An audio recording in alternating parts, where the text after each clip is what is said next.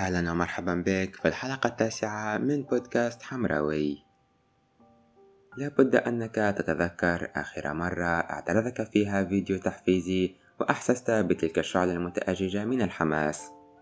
ذلك النشاط الذي يجعلك تقفز مسرعا إلى أول ورقة وقلم يعترضانك وتبدأ بوضع جدول محكم ومفصل لجميع المهام والأشياء التي تريد القيام بها. عادة ما يحدث هذا في بداية كل عطلة. تبدأ بوضع واجباتك المنزلية والمهام الموكلة إليك وتقوم بتقسيمها على مراحل يومك.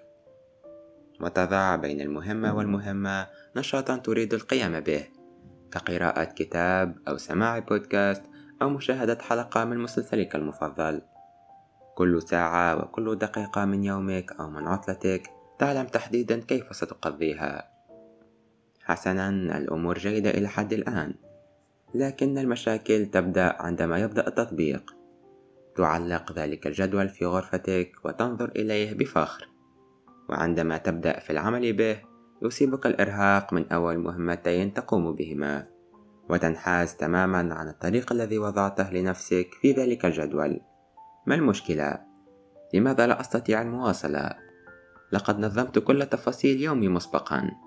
من المفترض أن يصبح الأمر الآن أسهل. الشيء الطريف والمريب في نفس الوقت هو أن المشكلة تكمن في أنك نظمت كل تفاصيل يومك وفي أن الجدول الذي وضعته دقيق جدا ويهتم بجميع التفاصيل. المشكلة باختصار هي أن جدولك too perfect to be true. في النهاية ستبتعد عن ذلك الجدول ولن تلتزم به بمجرد أن تنتهي تلك الجرعة الزائدة من الحماس. بعد أيام يحفزك شيء ما. تعود تلك الجرعة من الحماس من جديد. تمسك نفس القلم والورقة مجددا. تكتب جدولا آخر أكثر تعقيدا. كلانا يعرف ماذا سيحدث لاحقا. ستقع في نفس الحلقة المفرغة وال infinite loop مرارا وتكرارا. وعندما تلقي نظرة على منحنى إنتاجيتك أو ال productivity الخاصة بك في ذلك الحيز الزمني ستلاحظ أنها تتراجع تدريجيا.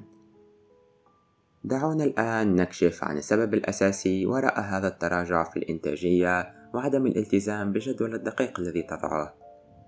الإجابة باختصار تكمن في مقولة Don't promise when you're happy أي لا تعطي وعودا وأنت سعيد طبعا من الجيد أن تكون سعيدا وهذا شيء إيجابي. لكن الحالة النفسية وحالة البهجة التي أنت فيها تؤثر على نظرتك للعالم. ما هو سبب سعادتك في النهاية؟ الناس يسعدون عندما يحسون أن كل شيء ممكن.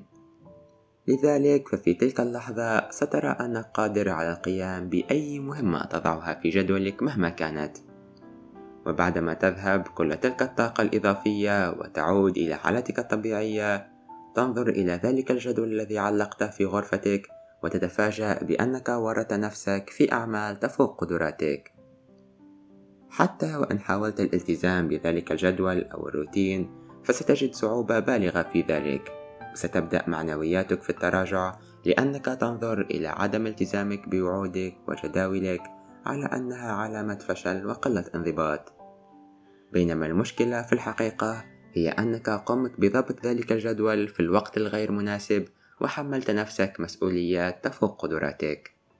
بعبارة أخرى قاسية قليلا أنت بالغت في تقدير ذاتك.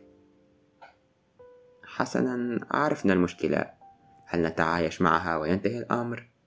لو كنت مكانك لرفضت أن أعود إلى نفس الحلقة المفرغة مرارا وتكرارا ولبحثت عن حل أفضل لهذه المشكلة. والجيد في الأمر أن الحل بسيط وواضح منذ أن قدمنا وقمنا بالتعرف على أصل المشكلة.